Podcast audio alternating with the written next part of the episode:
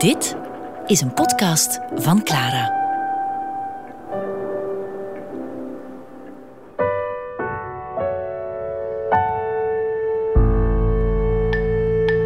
Zeitgeist. Met Helene de Bruyne.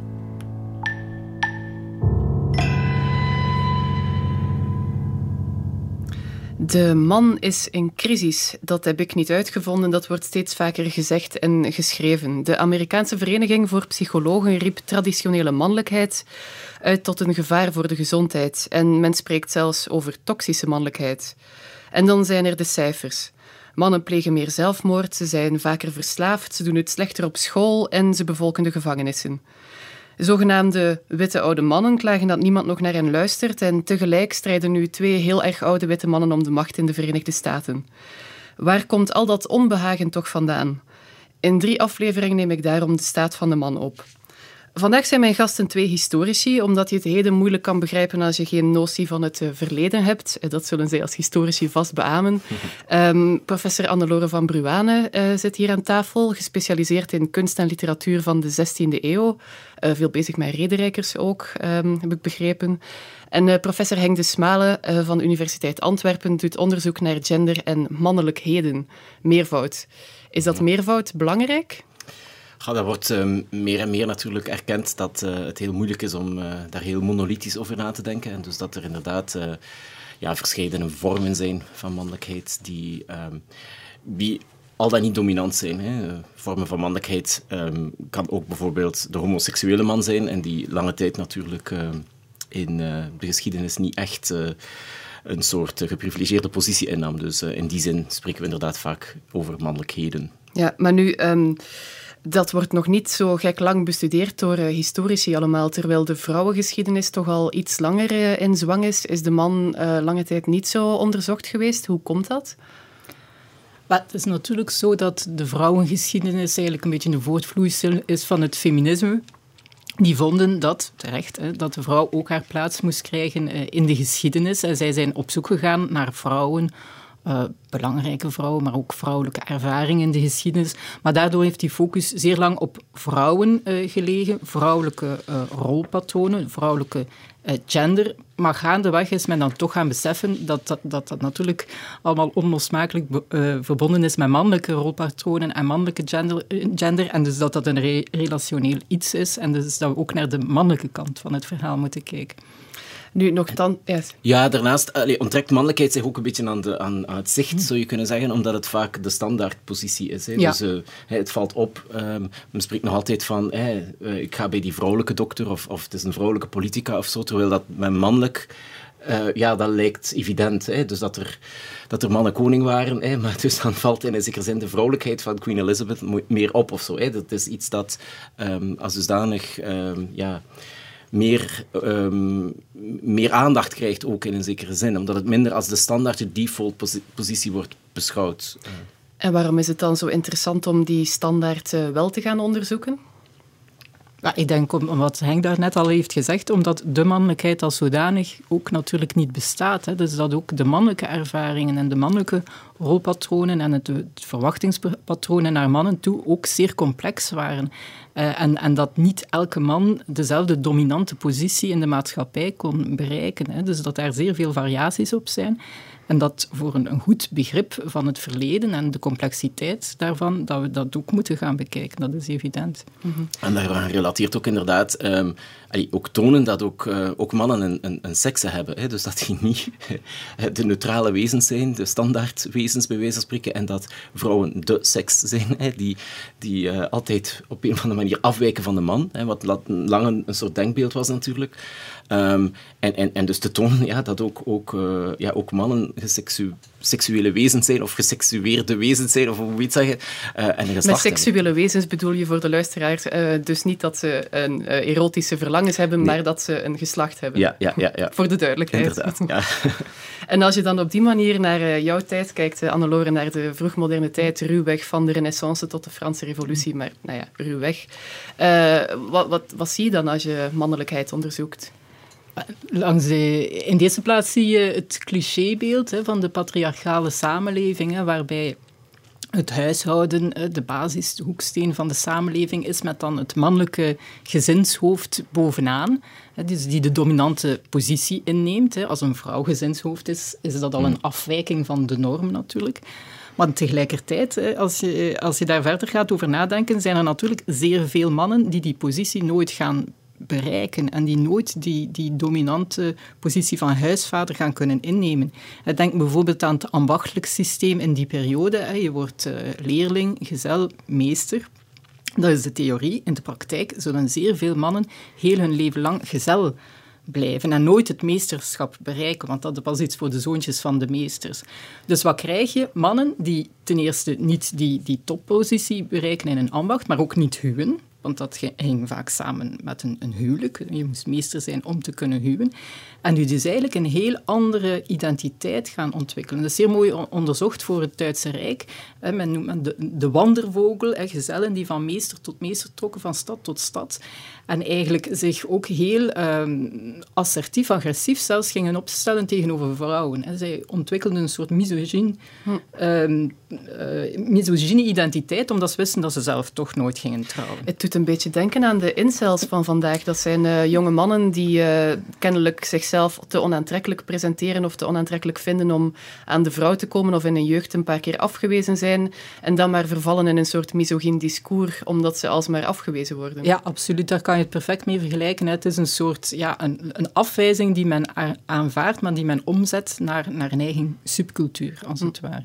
Het zal in die tijd misschien wel extra lastig geweest zijn om op die manier niet uh, door te groeien tot de patriarch dan, of omdat de eer zo belangrijk was mhm. als man.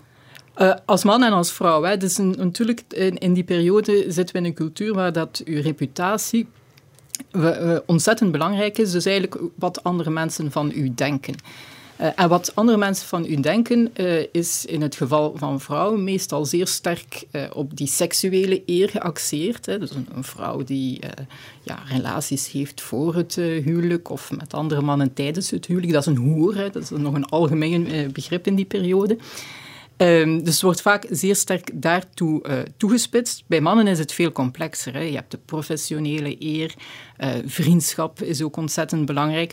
Maar ook dat seksuele speelt uh, bij mannen ook wel een rol. Want langs de ene kant heb je de zogenaamde dubbele standaard. Hè. Overspel van mannen is minder erg dan dat van vrouwen. Ik ken dat vandaag de dag ook wel nog een beetje.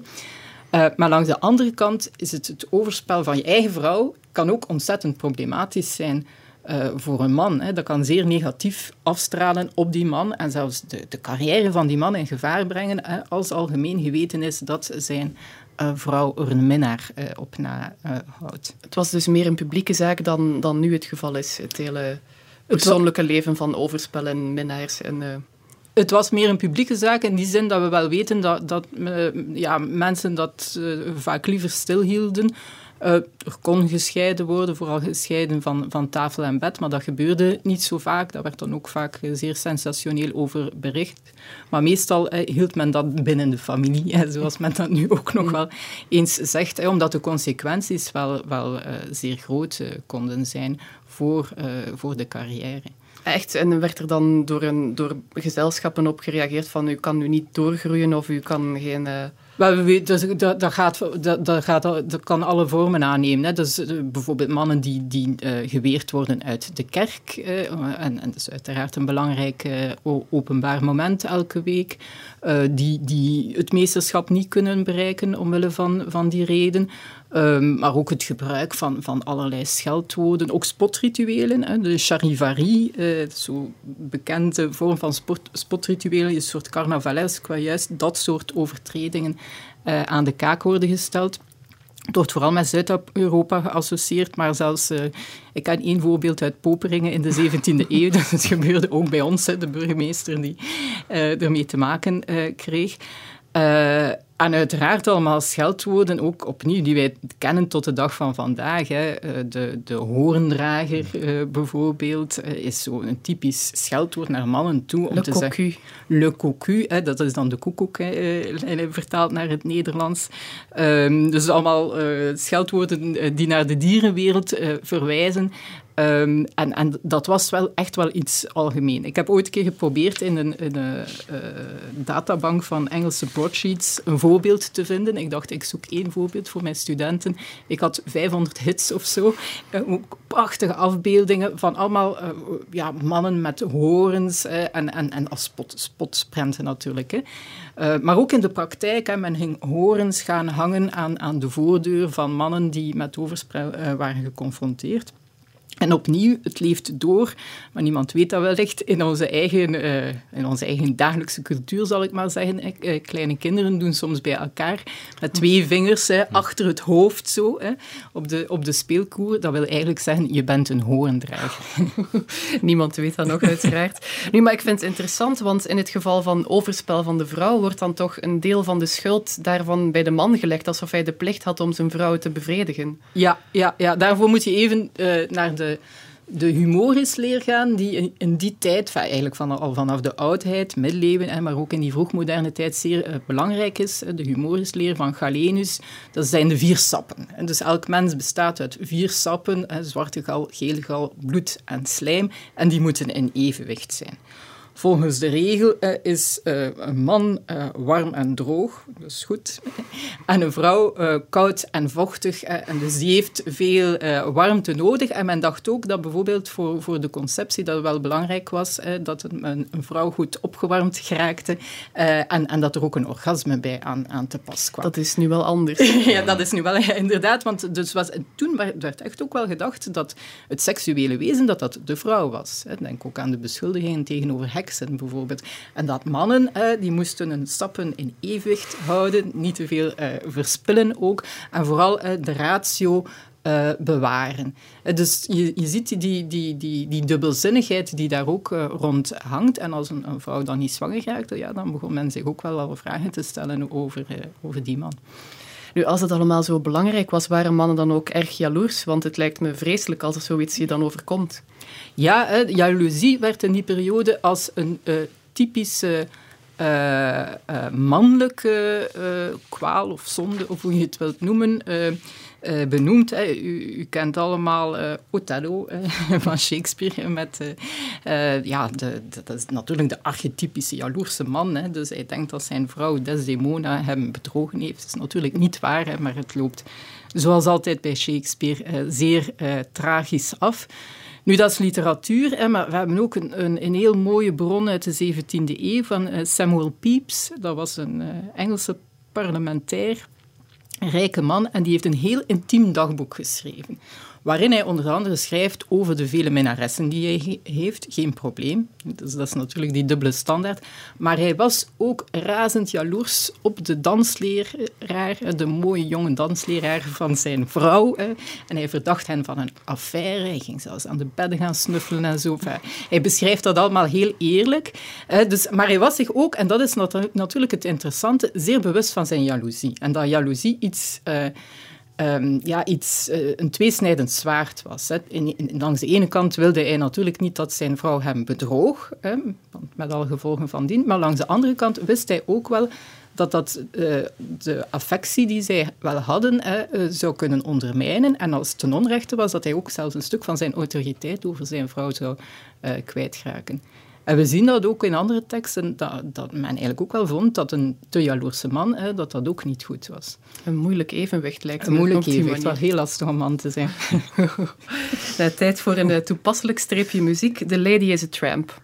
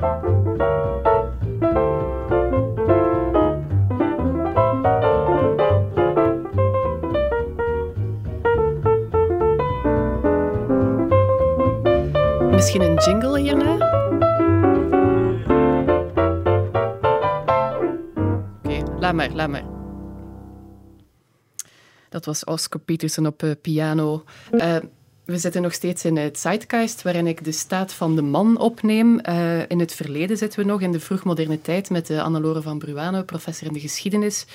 Um, als ik aan de man in de vroegmoderne tijd denk, dan denk ik meteen aan uh, schilderijen. Uh, ik denk aan Henry VIII, of um, ja, waarin mannen toch wel heel opmerkelijke kledingstukken dragen. Van die jasjes met goudbrokaat of uh, een soort baretten met pluimen en dan later pruiken. Of in Nederland en Spanje dan vaak van die kanten molensteenkragen. Allemaal dingen waarvan ik denk, daar zou een man nu toch de straat niet meer mee op durven. Ja, het is natuurlijk de periode dat de portretschilderkunst uh, opkomt. En uh, op zo'n portret wil je er natuurlijk op je best uh, op staan. Of dat men altijd zo rondliep, is dan weer een andere vraag.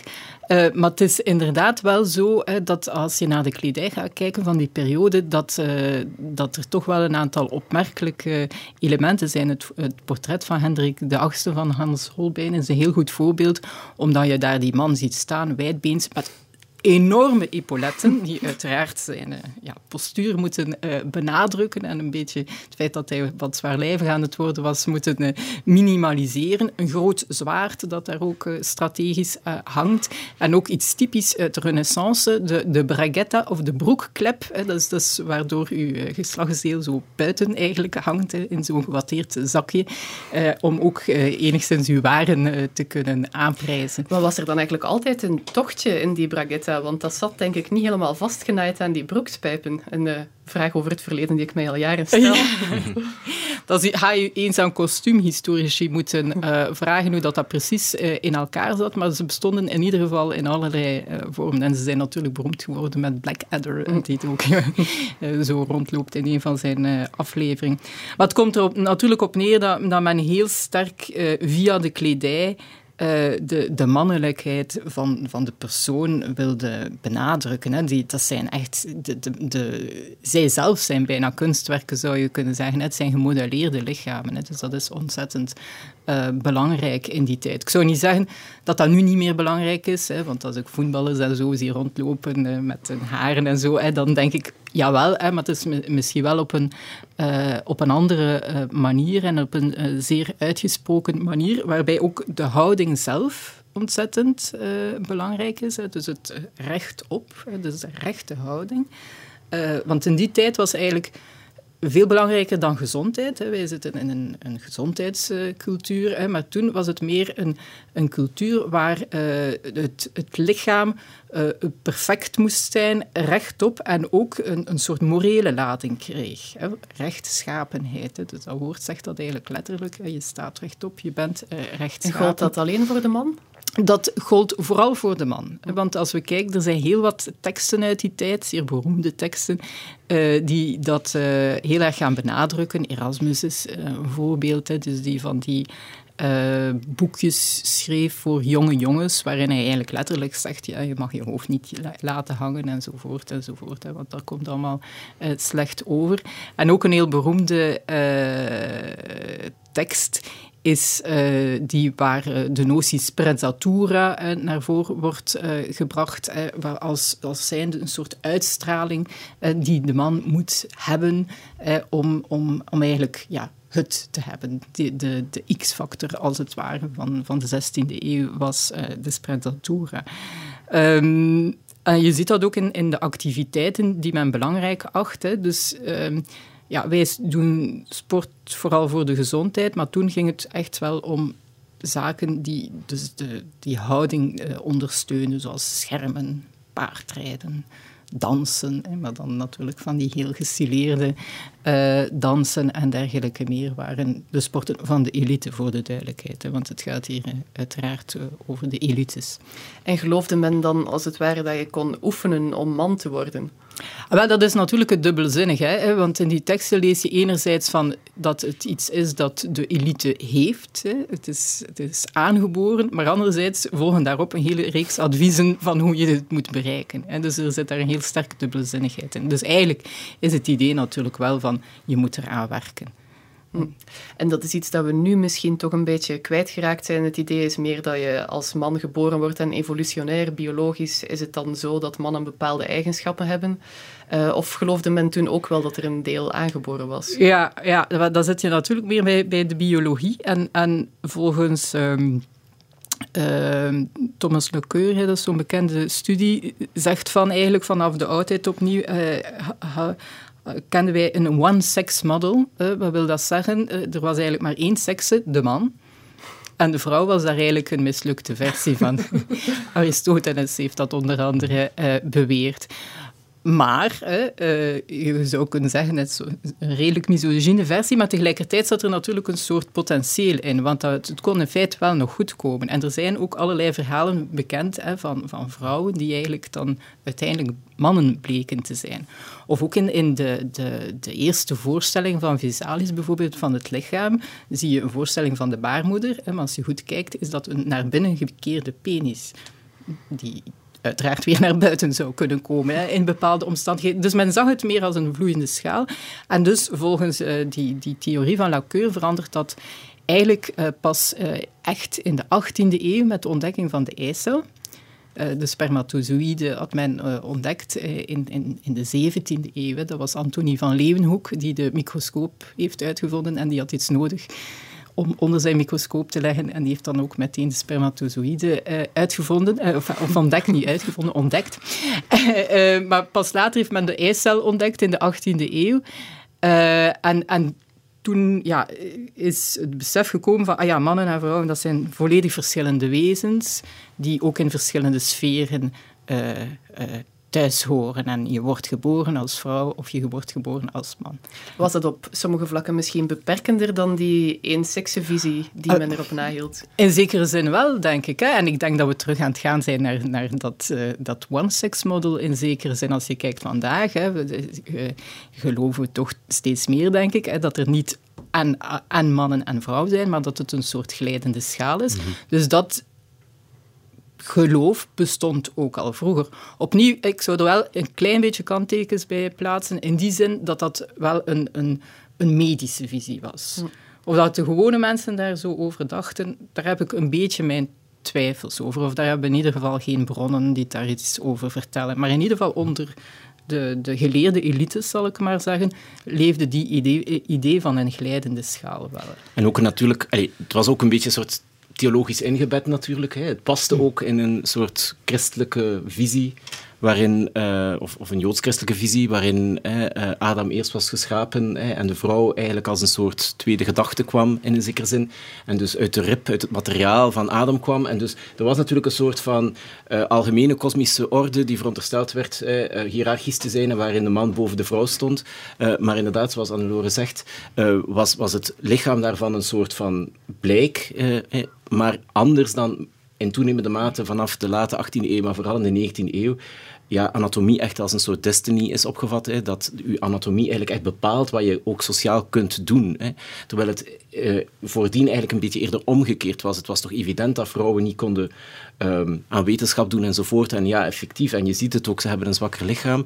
Maar het wordt in de 19e eeuw, ook omdat men natuurlijk die theologische grondslagen wat meer loslaat, ja, dan moet je, als je dan nog altijd wil volhouden dat vrouwen eigenlijk toch minder aan wetenschap kunnen doen, bijvoorbeeld, of, of aan bestuur kunnen deelnemen, ja, dan moet je wel een andere reden hebben natuurlijk. En dan is die biologie, en dan begint men heel erg de nadruk te leggen op het feit dat die baarmoeder van die vrouw eigenlijk verhindert, hè, eh, een heel erg reproductieve functie, eigenlijk verhindert dat zij cerebraal, hè, qua hersenactiviteit, even krachtig kan optreden als een man. Hè. Dus dus het is een soort combinatie inderdaad van, van die wetenschappelijke en, en christelijk-theologische denkbeelden die, um, ja, die, die, die, die in, de, in het ancien regime hè, ergens dat one-sex-model uh, onderschraagden. En, en, en dat komt dan inderdaad in die 18e eeuw natuurlijk in, in wordt geseculariseerd en, en erodeert dus langs alle kanten eigenlijk. Hm. Maar als je dan in, de, in het ancien regime nog, uh, we weten ondertussen dat er heel veel biologische varianten zijn, uh, mensen die chromosomaal ergens tussen de twee vallen, die dan ook geslachtskenmerken van beide hebben, of vrouwen die baardgroei hebben of zo. Hoe ging men toen met die mensen om die niet duidelijk in een van beide categorieën vielen? Men was daar in ieder geval ontzettend door gefascineerd. Hè. Er zijn portretten bekend van, van ja, vrouwen met, met baarden. Hè, en, en men zag dat als ja, een anomalie van de natuur, hè, maar ook tegelijkertijd een anomalie die, die wel ergens logisch was. Vanuit dat denken van, ah ja, het, het kan wel. Maar dat wil niet zeggen dat men dat normaal uh, acht. Men zag dat als een, een extreme... van de. Ja, een, zo. zo. inderdaad, een verstoring van... Ja. Dus dat, dat, is, dat is wel fascinerend. Um, ik denk ook tegelijkertijd dat, dat, dat het christendom als, als zodanig uh, misschien meer mogelijkheden liet voor vrouwen of voor vrouwelijke agency, mhm. zoals dat noemt. Um, doordat natuurlijk het basisidee is van, ja, mensen hebben een ziel, of dat dat nu een man of een vrouw is, hè, die hebben een ziel. En dat mhm. lichaam is daaraan ondergeschikt. Mm En dat maakt wel dat, ah, hoewel het uiteraard een patriarchale uh, samenleving was met zeer veel uh, ongelijkheid tussen gender, dat vrouwen toch ook wel posities konden bereiken die ze dan vanaf de 19e eeuw in de mhm. geseculariseerde wereld, tussen aanhalingstekens, niet meer konden bereiken. Ja, ja.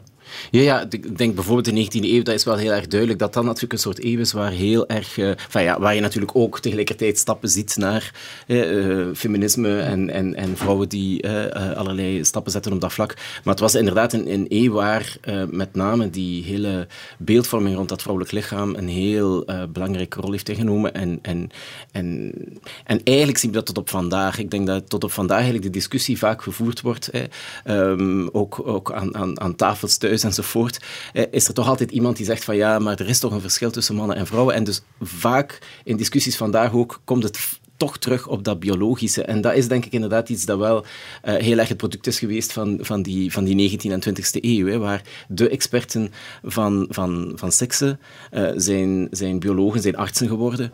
Um, terwijl dat, dat niet noodzakelijk zo was natuurlijk in, um, in, uh, in het ancien regime. Enfin, dus ik mij vergis daarin, maar, maar het lijkt daar inderdaad dat dat toch minder uitgesproken was dan, dan nadien. Hm.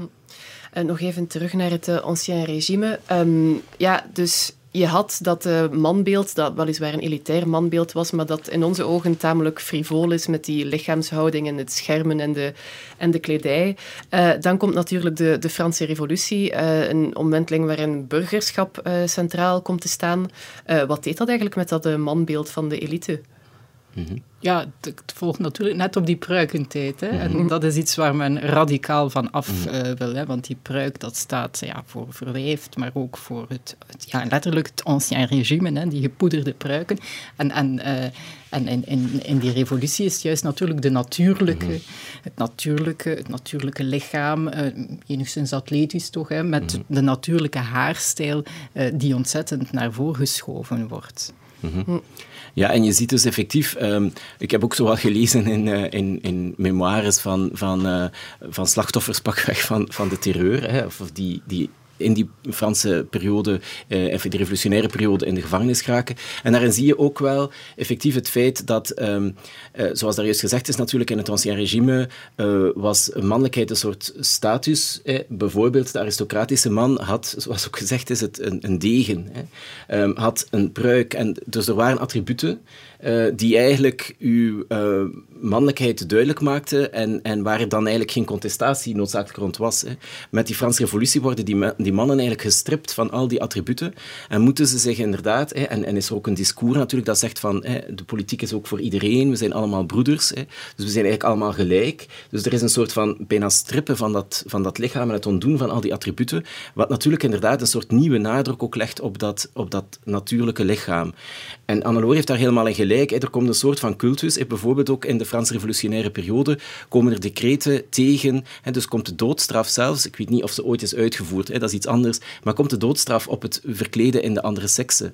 Er is een soort van eh, notie van transparantie. Je moet eigenlijk, um, het moet transparant zijn wie je bent. En je kan niet zo een, een, een soort van verkleedpartij, uh, die inderdaad al heel erg als, als 18e eeuw werd gezien natuurlijk, een soort, soort verkleedpartij opvoeren. Dus je moet eigenlijk echt, uh, ja, het moet duidelijk zijn wie je bent en je mag dat niet verhullen.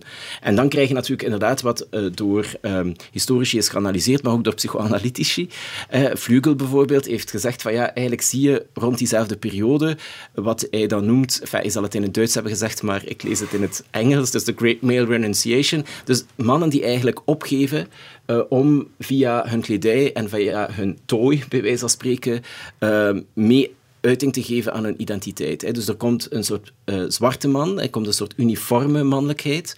De man is gekleed in een zwart pak en iedereen draagt datzelfde zwarte pak. Of je nu um, een, burgerman bent of, of je bent een bediende, bij wijze van spreken, ober in een, in een café. Dus er is een soort vanzelfde uh, zwarte uh, mannelijkheid, terwijl vrouwen natuurlijk in de 19e eeuw verder mee in een soort modetrends betrokken zijn. En dus eigenlijk ook via hun lichaam, of via de ornamentiek van hun lichaam, mee kunnen uh, bepalen of uitstraling geven aan wie ze zijn. Terwijl de man dat niet doet. Hè. Die heeft alleen een vrouw aan zijn zijde die hij gebruikt als een soort... Uh, Shoulder candy, ja. uh, die dat de status met een brokaat en zo moet uitdragen. Inderdaad, ja, ja. ja, inderdaad. Als je kijkt naar kunst en prenten vooral, en dan later ook fotografie, eigenlijk is vanaf die tijd tot nu heel weinig veranderd aan het uniform van de man. Er is wel eens mhm. een verschil in breedte van broekspijp en zo, maar het pak is toch, mm toch al lang Mhm, het beeld mhm. van de man met status. Mhm.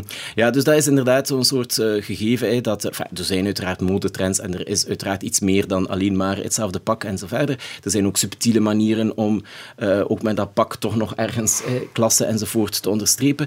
Maar toch inderdaad is er een soort van uh, versobering van, van, de, van de uiterlijke tooi die, die een man gebruikt. Hè. Er is een soort nieuwe noodzaak om als man eigenlijk heel ja, sober uh, door het leven te gaan. Hè. Uh, en, en dus de, de, de aandacht verschuift naar andere uh, aspecten van mannelijkheid. Maar en ook, en in zekere zin natuurlijk, is, het een, um, is het ook ergens belangrijk in die, hè, wat we ook daar juist hebben gezegd, om, om mannelijkheid ook een beetje uh, onzichtbaar te maken soms. Om het uh, inderdaad gewoon een soort van standaardpositie te laten zijn. En, um, en daardoor kan ook zo'n uniform, zo'n zwart uh, of, of, een, of een maatpak, kan eigenlijk ook dat ergens helpen in stand houden. Hè. Dus dat er een, dat er een soort van, um, ja, die mannelijkheid een soort evidentie is die, die niet verder ehm, moet aangekleed worden. En als je dan niet meer aangekleed bent, op welke vlakken moet je dan wel je mannelijkheid bewijzen? In die uh, vernieuwde samenleving?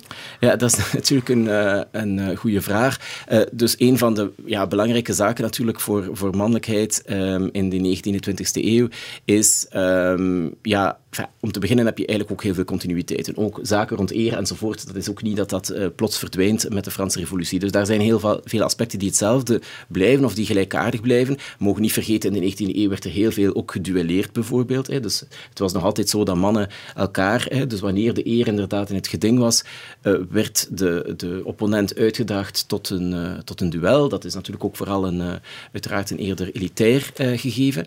Um, dus er zijn heel veel dingen die, die natuurlijk min of meer doorleven. Maar wat natuurlijk ook superbelangrijk is, um, is, is de economische positie, is het, uh, is het uh, zorgen voor het, uh, het inkomen. Hè. Dus waar er in dat burgerlijke model natuurlijk toch heel erg de nadruk ligt op de kostwinner. Hè. De, de man moet ehm, in staat zijn om een gezin te voeden.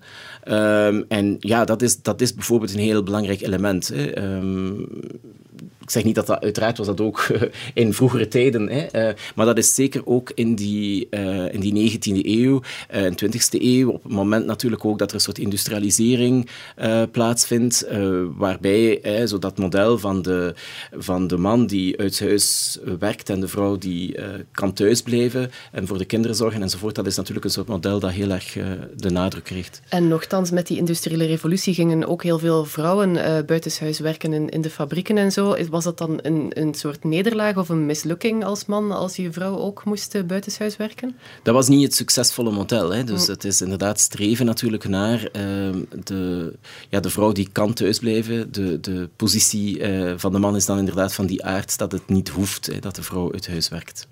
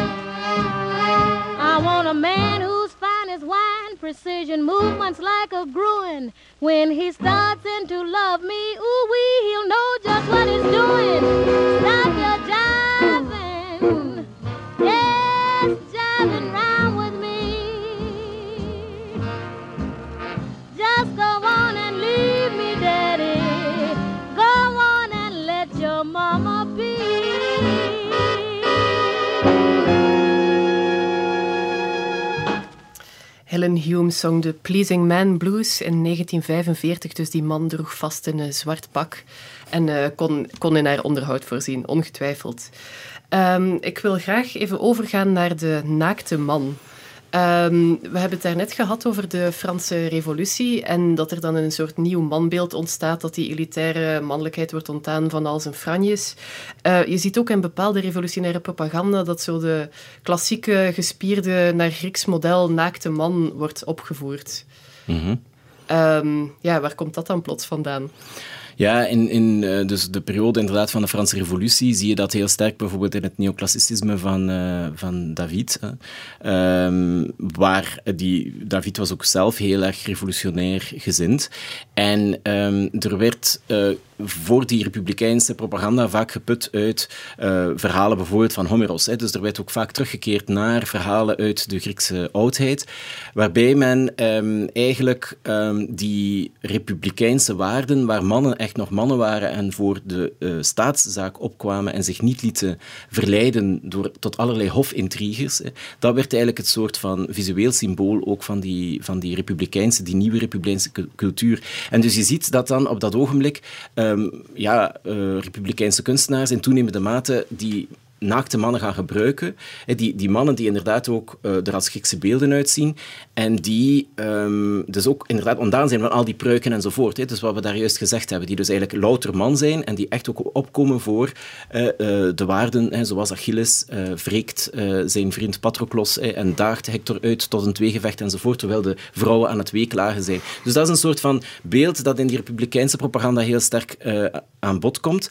Maar je merkt dan eigenlijk dat in het begin van de 19e eeuw, in de periode van de restauratie, dat er daar eigenlijk ook een soort reactie op komt. En dat men dat eigenlijk een beetje belachelijk begint te vinden. Die naakte man is nooit echt eh, populair geworden in de beeldtaal. Nee, omdat er natuurlijk ook inderdaad de aandacht wel heel erg trekt of een soort model eh, voorop zet. Vergelijk het natuurlijk, eh, als je kijkt naar de 19e, 20e eeuw, alhoewel de mannelijke, het mannelijke naakt nooit helemaal verdwijnt. Hè, er is onder, nu recent ook nog een, een, een nieuw onderzoek van Thijs de Keukenleider, die, die juist ook aantoont dat ook in die 19e eh, eeuw eigenlijk hè, die mannelijke naakten wel nog aanwezig zijn.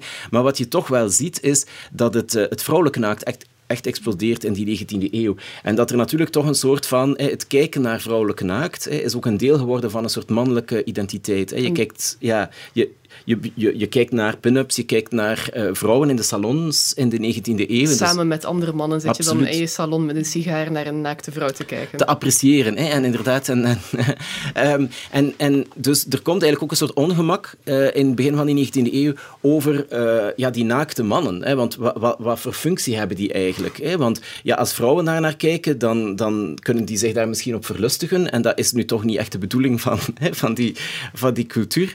En, en, uh, ja, en voor mannen, als mannen zitten te kijken naar die, dan die mannelijke beelden, dat is ook iets raar. Hè? Je krijgt trouwens ook een soort psychiatrische gevalstudies. Hè? De, de Weense arts uh, uh, um, Kraft Ebing, hij beschrijft ook hè, zijn homoseksuele patiënten dat die naar het museum gaan om daar, hè, dat is de enige plaats waar ze die naakte mannen kunnen zien en die die geilen daar eigenlijk op die naakte mannen. En dus die moeten hè, daarvan afraken, bijvoorbeeld door hypnose. Maar in elk geval, er is zoiets van, ja, wat is eigenlijk de functie van een naakte man in de visuele cultuur in die 19e eeuw? Ja, een heel grappig voorbeeld dat je daarvan aangaf was het uh, standbeeld van uh, Achilles in Hyde Park, dat in 1822 mhm. werd opgericht ter ere van, um, van Wellington, die Napoleon natuurlijk had bevochten. Um, ik kende het beeld niet, ik heb het opgezocht. Het is echt een enorme bronzen sculptuur, een beetje, ja, een, beetje een belachelijke Achilles. Mhm. Mhm. En die werd eh, besteld door de Ladies Society. Mhm. Ehm, waarschijnlijk ook vanuit zo'n revolutionaire manbeeld. Mhm.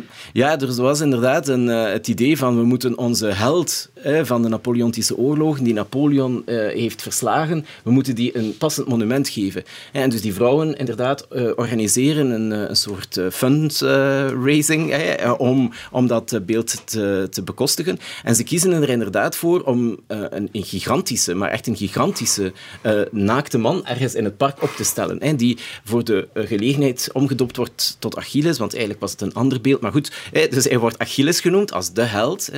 Um, maar effectief, onmiddellijk komen er allerlei spotprenten, komen er allerlei uh, ook toneelopvoeringen enzovoort, waarmee men zegt van ja, haha, de, de, de, de vrouwen van Engeland plaatsen in het midden van het park hè, een, een, een enorme naakte man. Dus er is een soort van idee van ja, wat voor een absurd symbool eigenlijk. Met een vijgenblaadje wel. Ja, en dus daar wordt er inderdaad een vijgenblad toegevoegd, want dat was er aanvankelijk niet. Uh, en dan krijg je allerlei grappige gedichtjes natuurlijk van hoe uh, in de herfst het blad zal vallen enzovoort. En de vrouwen van Engeland uiteindelijk het uh, mysterie zullen zien enzovoort. Dus ja, maar, maar het toont hoe, hoe dat soort van, van mannelijkheid rond 1800 in bepaalde kringen, in republikeinse of, of, of in, in, in kringen die beïnvloed zijn door dat soort van ideeën, dat lijkt een ideaal symbool hè, van, van, van het mannelijke Groot-Brittannië. Maar eigenlijk heel snel wordt dat een soort uh, ja, grap. Uh, iets, iets waar niemand nog uh, niemand serieus kan nemen. En de burgerlijke middenklasse moet niet veel van die naakte mannen hebben. Nee. Maar je ziet ze dan wel weer opduiken later in, in propaganda van het socialisme bijvoorbeeld. Mm -hmm. uh, die arbeider met uh, spieren, mensen kennen de afbeeldingen waarschijnlijk wel. Mm -hmm. Ja, ja, inderdaad. In, in het, je ziet het in het fascisme, je ziet het in het communisme, je ziet het in het, uh, misschien wat verrassender, in het sionisme. je ziet dus eigenlijk in alle bewegingen die op een of andere manier zich keren tegen een soort establishment, tegen een liberaal establishment, en, en dus een soort streven naar het grijpen van de macht, bij wijze van spreken, gebruikt men ergens die, uh, dat mannelijk beeld opnieuw, hè, uh, om te zeggen van ja, ook natuurlijk als een soort aanval op, op, het, op, het, op het heersende uh, establishment dat, dat verwijfd is, dat, dat niet meer de echte waarden nastreeft en, en de republiek hoog houdt, of allee, de, de staatszaak behartigt. Dus eigenlijk zie je vooral dat soort van symboliek inderdaad in bewegingen die um, aanstormen of, of stormen tegen het establishment. Uh, maar zijn daar ook vroeger voorbeelden van te geven? Hè? De, de, van secten die juist inderdaad, omdat ze de, de wereld letterlijk mm afwijzen en dus ook kledij en de mm wapens en dergelijke afwijzen. En bijvoorbeeld de Anabaptisten in de 16e mhm. eeuw, die zijn daar onbekend dat zij af en toe naakt door de stad gingen lopen. God stond toch aan hun kant. Dat uh, liep meestal heel slecht af natuurlijk.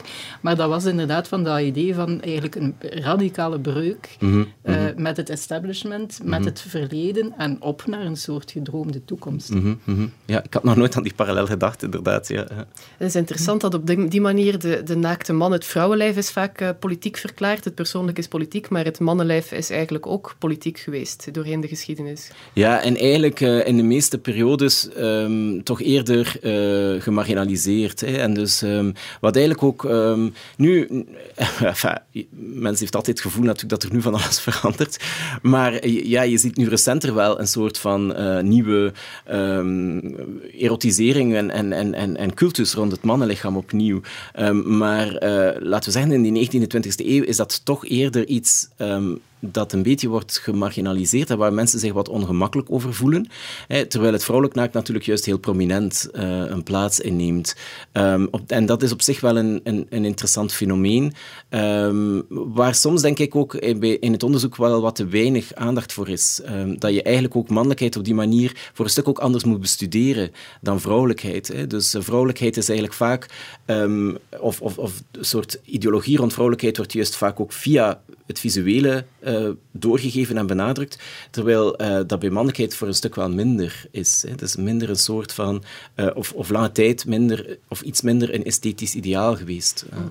Maar het is ook interessant dat die bewegingen die dan die naakte mannen net wel gaan gebruiken als een afzetting tegen de burgerlijke norm, net een, die, die propageren een, een soort stoere macho-mannelijkheid in, in hun beweging en dan nemen ze net iets wat stiekem door homomannen al eeuwenlang als een ja, ook gebruikt wordt om... -hmm.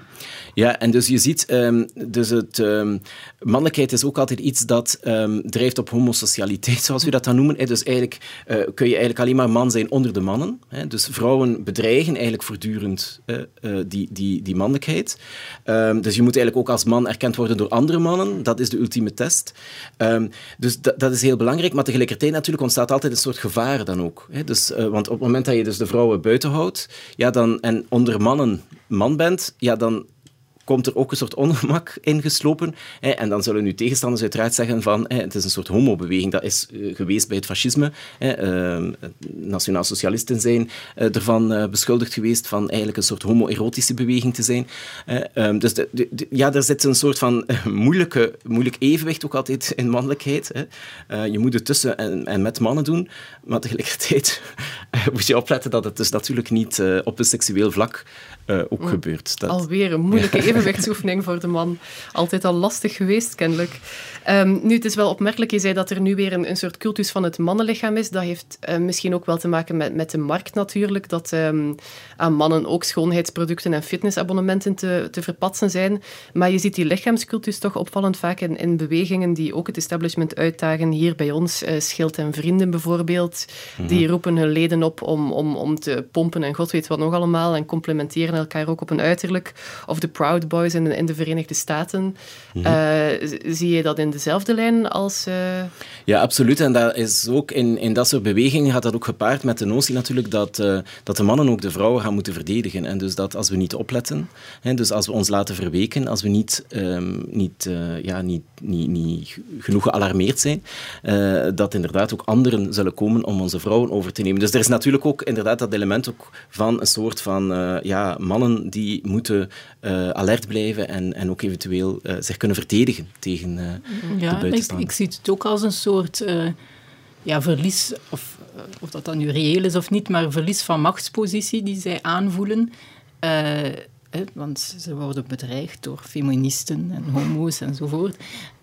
en ja, wat is hetgene waar je uiteindelijk controle over hebt? Dat is je lichaam. En zo kunnen zij eigenlijk tonen aan de wereld dat ze er zijn, dat ze meetellen en dat zij ook hun, hun belangen hebben.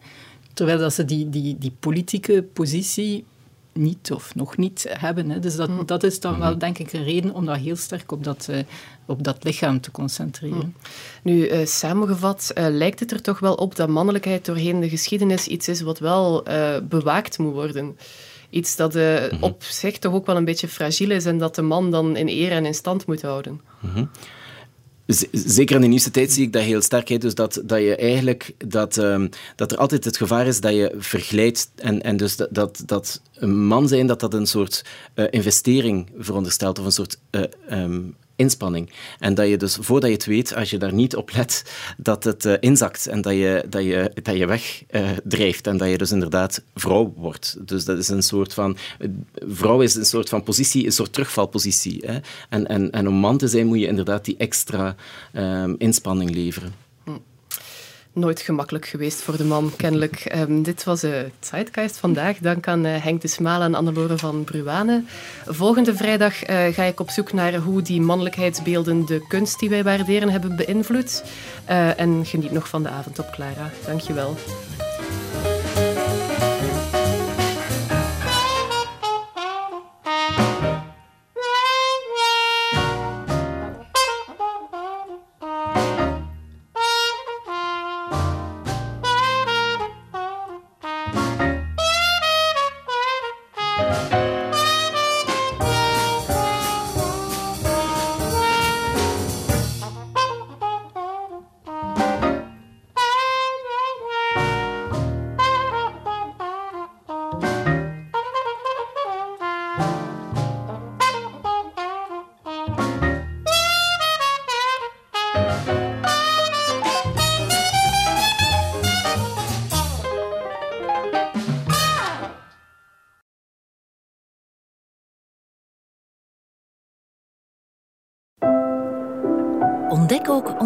podcasts via clara.be. Clara Podcast. Blijf verwonderd.